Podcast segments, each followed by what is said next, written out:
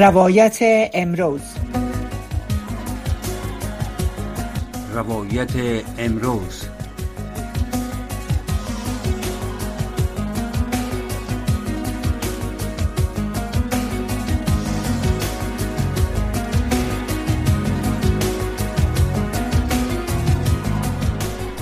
شنوندگان و بینندگان ارجمند روایت امروز با عرض سلام و تمنیات نیک.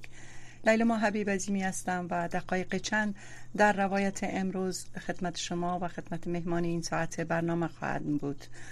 سالهای متمادی جنگ در افغانستان و اکنون بحران شدید اقتصادی و اوضاع ناسازگاری که همکنون زنان و دختران در افغانستان با منع کار و تحصیل با آن مواجه هستند و حوادث و آفات طبیعی که همه اینها دست به دست هم داده و جریان های اجتماعی کمک رسانی را فعالتر ساخته و برخی از مؤسسات انجمن های خیریه و انجمن های امداد رسانی به مردم افغانستان فعالیت های بیشتری را روی دست گرفتند و یکی از این مؤسسات دریچه امید نام دارد. در این برنامه از محترم صبور کمال یک تن از مسئولین این مؤسسه دعوت کردیم که مقیم ایالت ویرجینیا هستند. اما از طریق ارتباط مستقیم تلفن با ایشان صحبت خواهیم کرد. فکر می‌کنم آقای کمال روی خط هستند. محترم صبور کمال با عرض سلام خوشحال هستیم که شما را در روایت امروز داریم. اولتر از همه خوش آمدین صفا آوردین. سلام. محترم شما و ممنون شما. آقای کمال اگر در ابتدا خودتان یک اندازه معرفی کنین در چند جمله کوتاه توضیح بتین که مؤسسه دریچه امید در کدام سال تأسیس شد هدف و انگیزه از ایجاد آن چه بود؟ بله تشکر. نام صبور کمال است. بله. افغانستان هستم. تحصیلات عالی در اتحاد شوروی وقت در شهر لنینگراد وقت یعنی سن پترزبورگ حال بله. به اکمال رساندم و در افغانستان هم خدمات را انجام دادیم البته در زمان پیش از سقوط حکومت نجیب بود بله. که ما قیس رئیس شهدا معلولین حدودا یک و نیم سال اپای وظیفه کردم و بود حکومت بنابر بعض محاضیر که بود ما ترک وطن کردم بالاخره در سایر کشورهای شوروی وقت و در ترکیه و کشورهای اروپایی به business کوچک خود ادامه دادم. و بالاخره دوباره برگشتم در افغانستان. و وضعیت ناگوار بود. ما با فامیل خود برگشتم. دوشنبه بودم و از به و بالاخره راهی امریکا شدیم در ورجینیا از طریق کمیشنری های ملل متحد در بخش مهاجرین. درست. مهاجر شدیم و بالاخره وضعیت ناانجار افغانستان و ما را وادار ساخت که بعض خدمات را بر افغانستان عرضه کنیم. البته غیر مستقیم بعض کمک های خود می‌کنم تا اینکه در سال 2021 بله. ما فعالیت های خود آغاز کردیم. هم در افغانستان و هم در امریکا ثبت سر کردیم.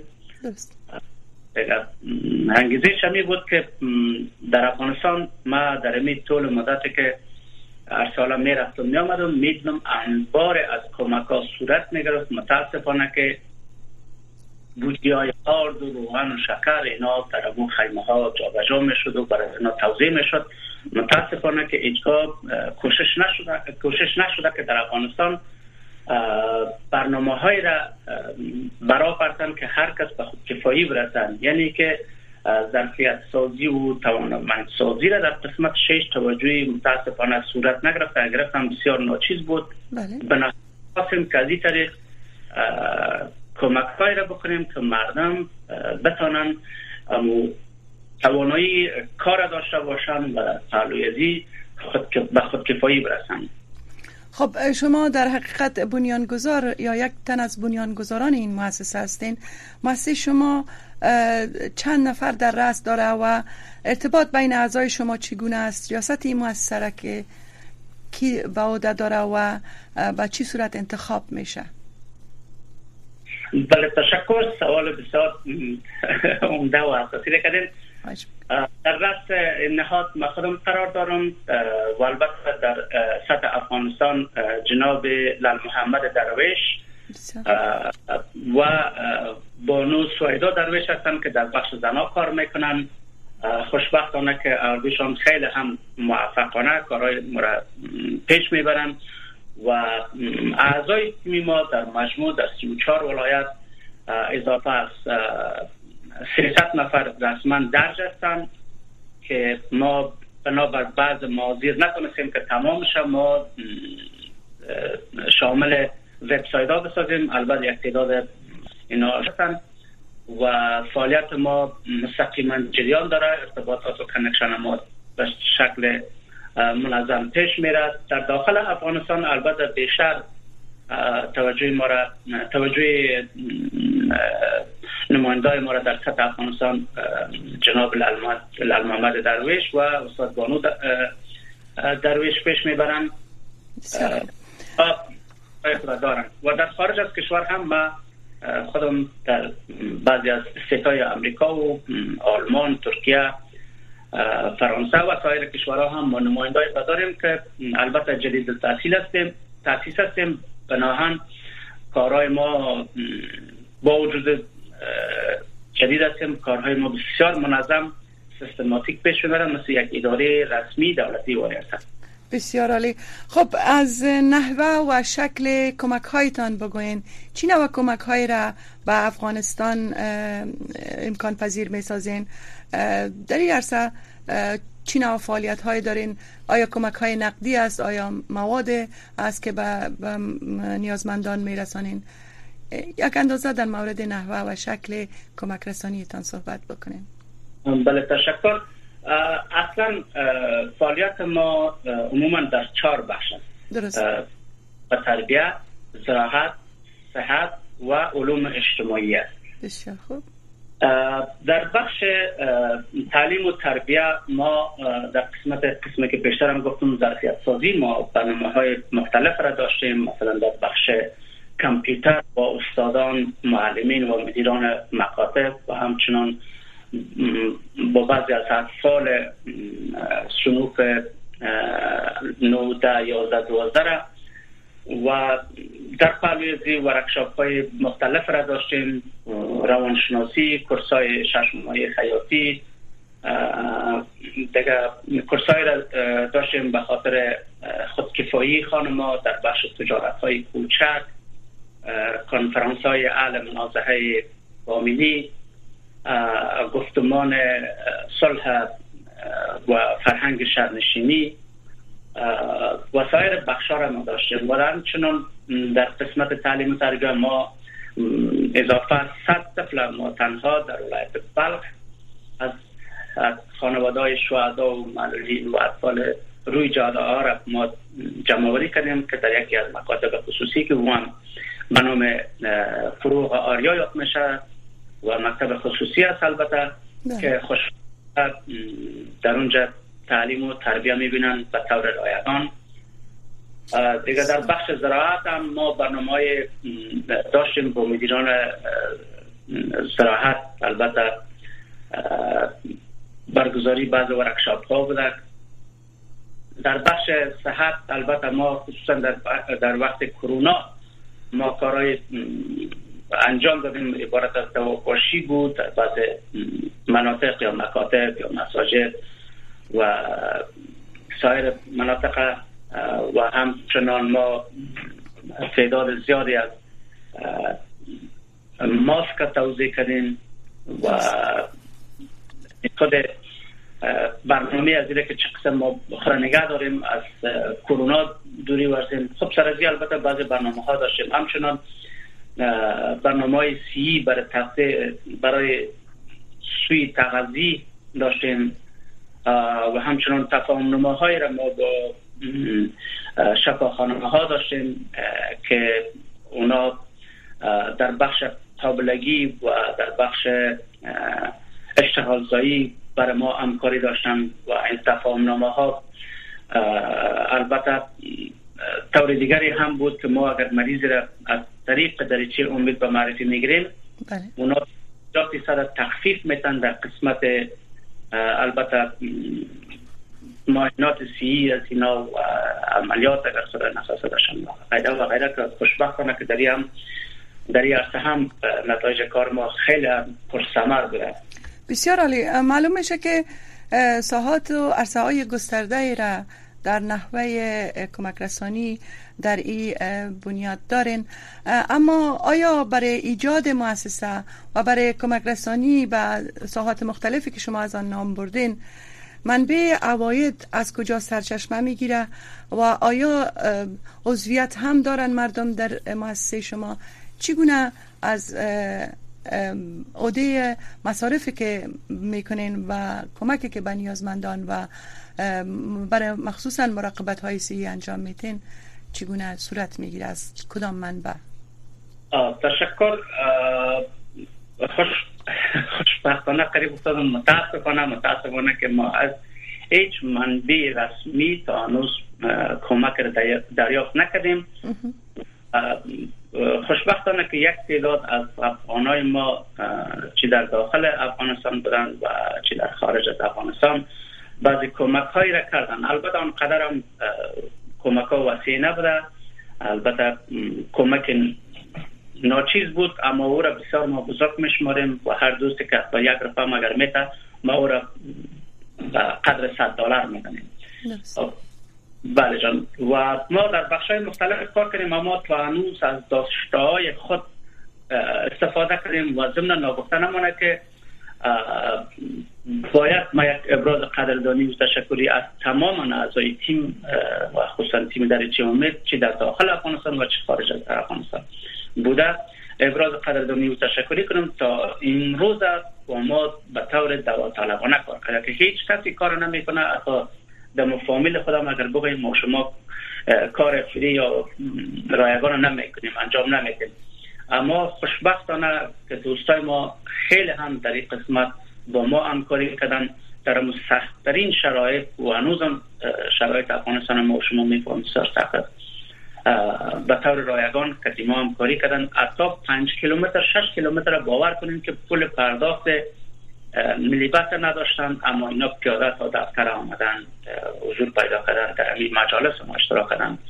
در برنامه های کاری ما اشتراک کردن. بسیار خوب. خب آقای کمال شما می‌دانین که زلزله اخیر در ترکیه و قسمت از سوریه خسارات جانی و مالی زیادی را باعث شده.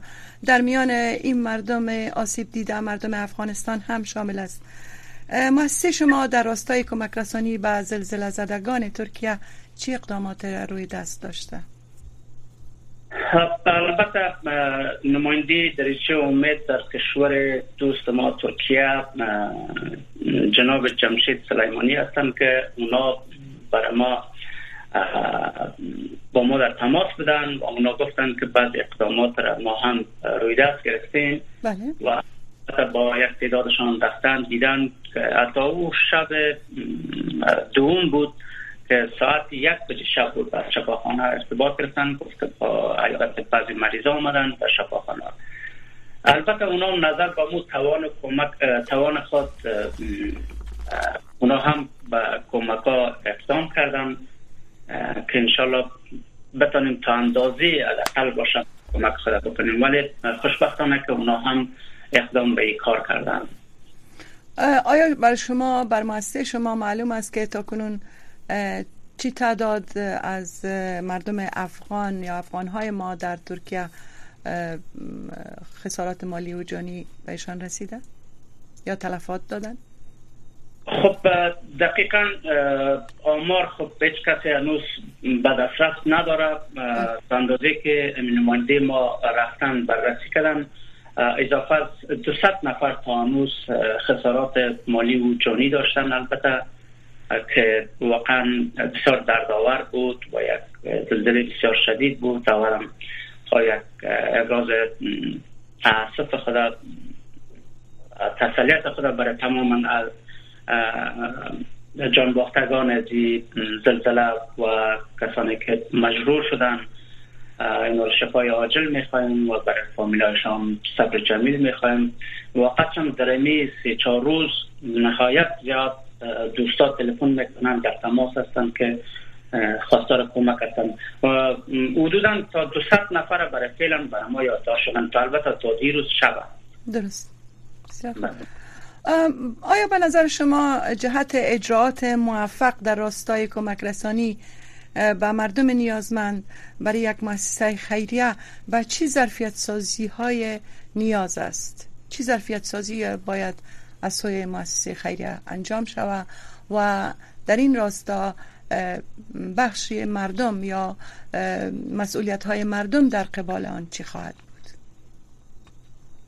خب در بخش ظرفیت سازی قسمی که قبلا هم گفتم ما بیشتر از ده هزار خانم دختر سیمینارهای آموزشی برشان در افغانستان گرفته بودیم که در بخش نرسینگی بود که خوشبختانه تمامشان فراغت حاصل کردن و اسناد و مدرک هم به دست آوردن که اکثریت مطلق از اینا امروز در شفاخانه ها کلینیک ها و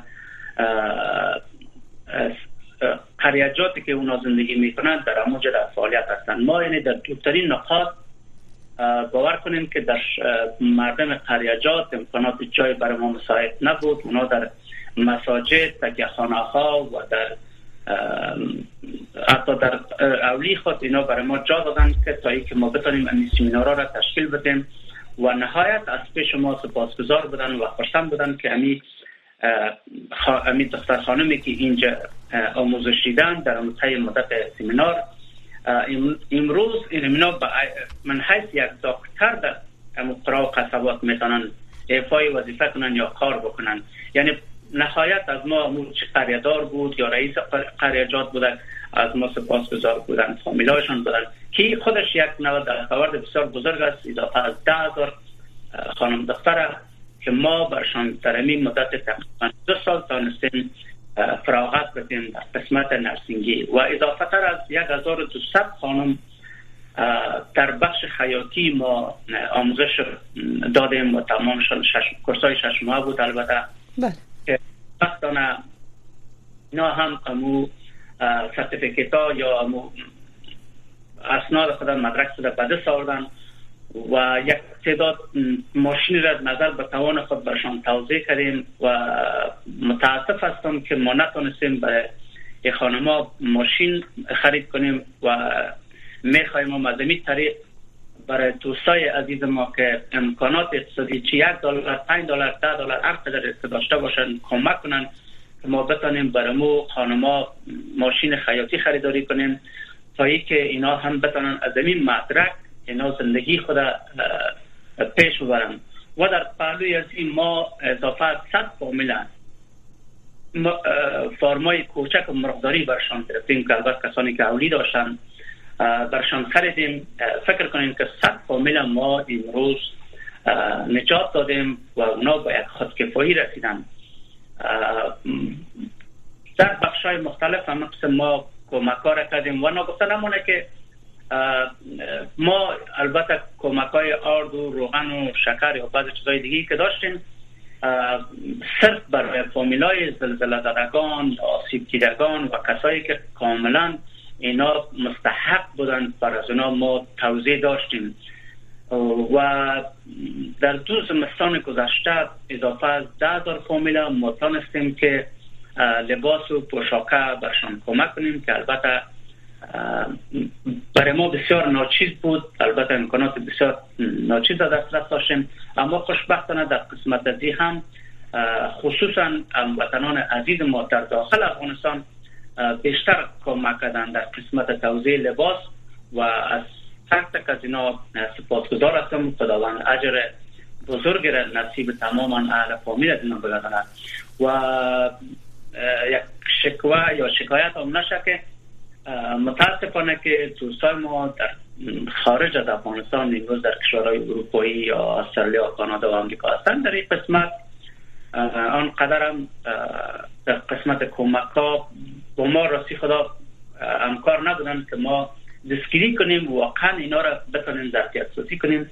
و خودکفا بسازیم در این قسمت ها بله خب شما می‌فهمین که مؤسسات خیریه و کمک رسانی زیاد در امریکا و اروپا در سالهای اخیر از وجود کرده. به نظر شما کار حمایت و کمک رسانی تا چی اندازه مشکل است و چی سهولت های دارد چی مشکلات عدیده داره؟ اگر در این قسمت صحبت داشته باشیم.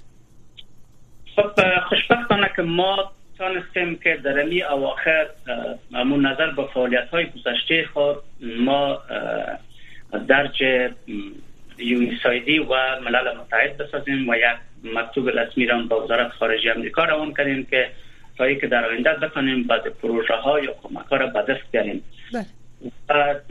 در قسمت کمک ها در افغانستان متاسفانه که اکثرا کمک هایی که انوز هم صورت می‌گیره با همون مؤسسات صورت می‌گیره که قبلا هم اینا اینا مؤسسات کمک رسانی را داشتن مؤسسات خیریه را داشتن. و نتایجش هم ما و شما در گذشته ها دیدیم که اگر اینا یک پروژه را می‌گرفتن این پروژه ها نیمه باقی میماند. یا ای که به صورت کیفیتی اینا کار نمی‌کردن یعنی کیفیت عالی نداشتن. عالی اگر نمی بود حداقل متوسط هم نبودن. و خورد و بسیار زیاد بود. و هنوزم بدبختانه که اکثریت کمک ها با مو مؤسسات صورت می‌گیره. چون که اینا سوابق دارن. یک تجربه چیزا به طور مثال بتم که در افغانستان هر دوست ما که مثلا به سطح دکترا فارغ می‌شدن یا به سطح ماستری فارغ می‌شدن مرات عالی داشتن اول نمره بودن بله. و در که در خصوصا در زمان جمهوریت اینا مراجعه می‌کردن در کار باز بر اینا می‌گفتن که شما باید سوابق دو ساله کار بر نشان بدید. اینو در حالی که محصل بود جدیدن آمده بود و بهترین نمرات عالی را گرفتن اما بیچاره رو در کار نمی و ما هم که نو به کار آغاز کردیم تقریبا دو سال میشه اینا هم بکرم چک می‌کنه که تا چی اندازه ما کار کردیم و سوابق ما چقدر است. بناهن اکثر این کمک صورت می‌گیره. با مو مؤسساتی که اینا سابقه داشتن بیشتر با اونا کمک صورت می‌گیره. و اونا می‌بینیم که نتایجش اگر اگر براتان بگویم سه مؤسسه در سطح افغانستان که واقعا اینا کار می‌کردن صادقانه کار می‌کردن در افغانستان وجود میداشت امروز ما 95 فیصد در فقر قرار نمی‌گرفتیم. اینا می‌تونستن که ظرفیت سازی را در ابتدا شروع کنن. باید هم در این قسمت جامعه جهانی ملل متحد و سایر سازمان های کمک رسانی یک توجه باید بکنن یک سروی خود بکنن. حتما نیست که نهادهایی که سابقه کاری دارن با اونا کمک بکنن و اونا تجربه دارن. شاید تجربه ما بیشتر از اونا بوده, باشه و کارهایی که ما انجام دادیم باید بسیار پولی ناچیز شاید کارکردهای ما بیشتر از کسانی بوده باشه که میلیون ها میلیون دلار اونا گرفتن ایت کردن.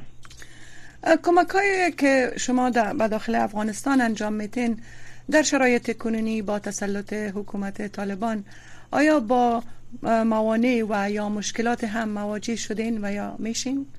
یا خیر؟ اگر تعریف از حکومت فیلی نشه وقتش ما خوشبختانه خوشبختانه که ما هیچ نوع هیچ نوع ممانعت را تا در این قسمت ندیم حتی خانم دخترایی که در نهاد ما هست. اکثرشان خانم دخترها هستن که زیادتر ما تحت پوشش خود قرار دادیم. در جلسات ما اشتراک می‌کنن در دفتر مین جلسات ماهانه. حدودا سی سی و پنج خانم دختر و همچنان از طبقه زکور حضور پیدا می‌کنن و ما قبل از اینکه جلسات ما آغاز پیدا کنن یک روز پیش ما اونا رو آقا میسیدیم که جلسات داریم. و اونا برای ما مکتوب خود میتن هیچ نوع ممانعت صورت نمی‌گیره. و همچنان در حتی در قسمت این کورسای خیاطی و سیمینارهایی که ما در قسمت نرسینگی داشتیم که اخیرا این مکاتب خصوصا در سمت شمال با پایان رسید یعنی در رخصتی های زمستانی خود ما تا ما آخرین روزا را هم تا 300 خانم دختر ما در یک سقف آوردیم. برشان سرتیفیکیت هاشون برشان توضیح کردیم یعنی هیچ نوع ممانعت در قسمت مؤسسات خیره اینا وجود نداره. کسی اگر بگه که ممانعت وجود دارد تا خب ما ندیدیم. راستی واقع شد لازم بگویم. من نمی‌تونم خوشی کنم از بعض وقت هایی که مسائل مکاتب بسته است و یا خانم دخترها را مانع میشن به گشت و گذارشان این مسائل جدا اما در قسمت بسیار خوب. وقتی شما پیش بینی می‌کنین که به طور مثال در سال آینده چی اندازه بودجه برای یک همکاری در یک عرصه از عرصه هایی که شما نام بردین نیاز دارین. از نظر مالی چگونه متکی میشین؟ متکی به کدام منبع میشین اگر پیش بینی کنین و ارزیابی بکنین که چی مقدار پول یا کمک نیاز دارین. و در عین حال اگر بفرمایین که مردم در امریکا و اروپا چقدر همکاری با مؤسسات خیریه مثل مؤسسه دریچه امید دارن؟ خب یک موضوعی که مردم افغانستان چی در خارج از کشور است چی در داخل افغانستان است اما متاسفانه که اینا من نمی‌تونم از کل اینا به اصطلاح ما و شما شکایت کنم که چرا کمک نمی‌کنن. بله. اکثریت فامیلای اینا هم امروز در داخل افغانستان هستند یا خارج از افغانستان مثل پاکستان ایران حتی در ترکیه اینا در یک حالت مهاجرت قرار دارند و در داخل افغانستان در یک حالت سخت اقتصادی قرار دارند اینا هم شاید نیازمندای خود داشته باشند که برای اونا کمک کنند بله. ولی دوستانی که مثلا نمو امکانات خود داشته باشند برای ما اگر ماسی ما کمک کنند ما برشان اسناد مدرک از هر کمک که میته یک دلار اگر بود ده دلار صد دلار هزار دلار بود. ما اسناد مدرک میتیم و اطمینان هم برشان میتیم که او پول به جا نمیره به هیچ وجه انشالله. که خیر. و میماند مسئله پروژه ما در 34 ولایت تمام امکانات خود داریم.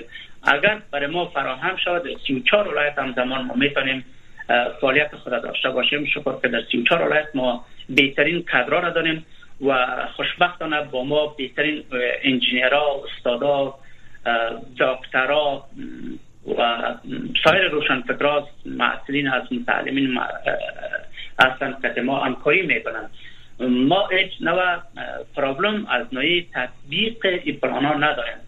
و هر قدر کمک شود ما براتون پیشتر هم گفتم مثل یک اداری رسمی برای ما پیش میرد تماما چیز ما که امروز فعالیت های ما که وجود دارد تمامش مطابق یک پروگرام است داخل یک نرم است. و مطابق پروگرام قرار خود پیش می‌بریم.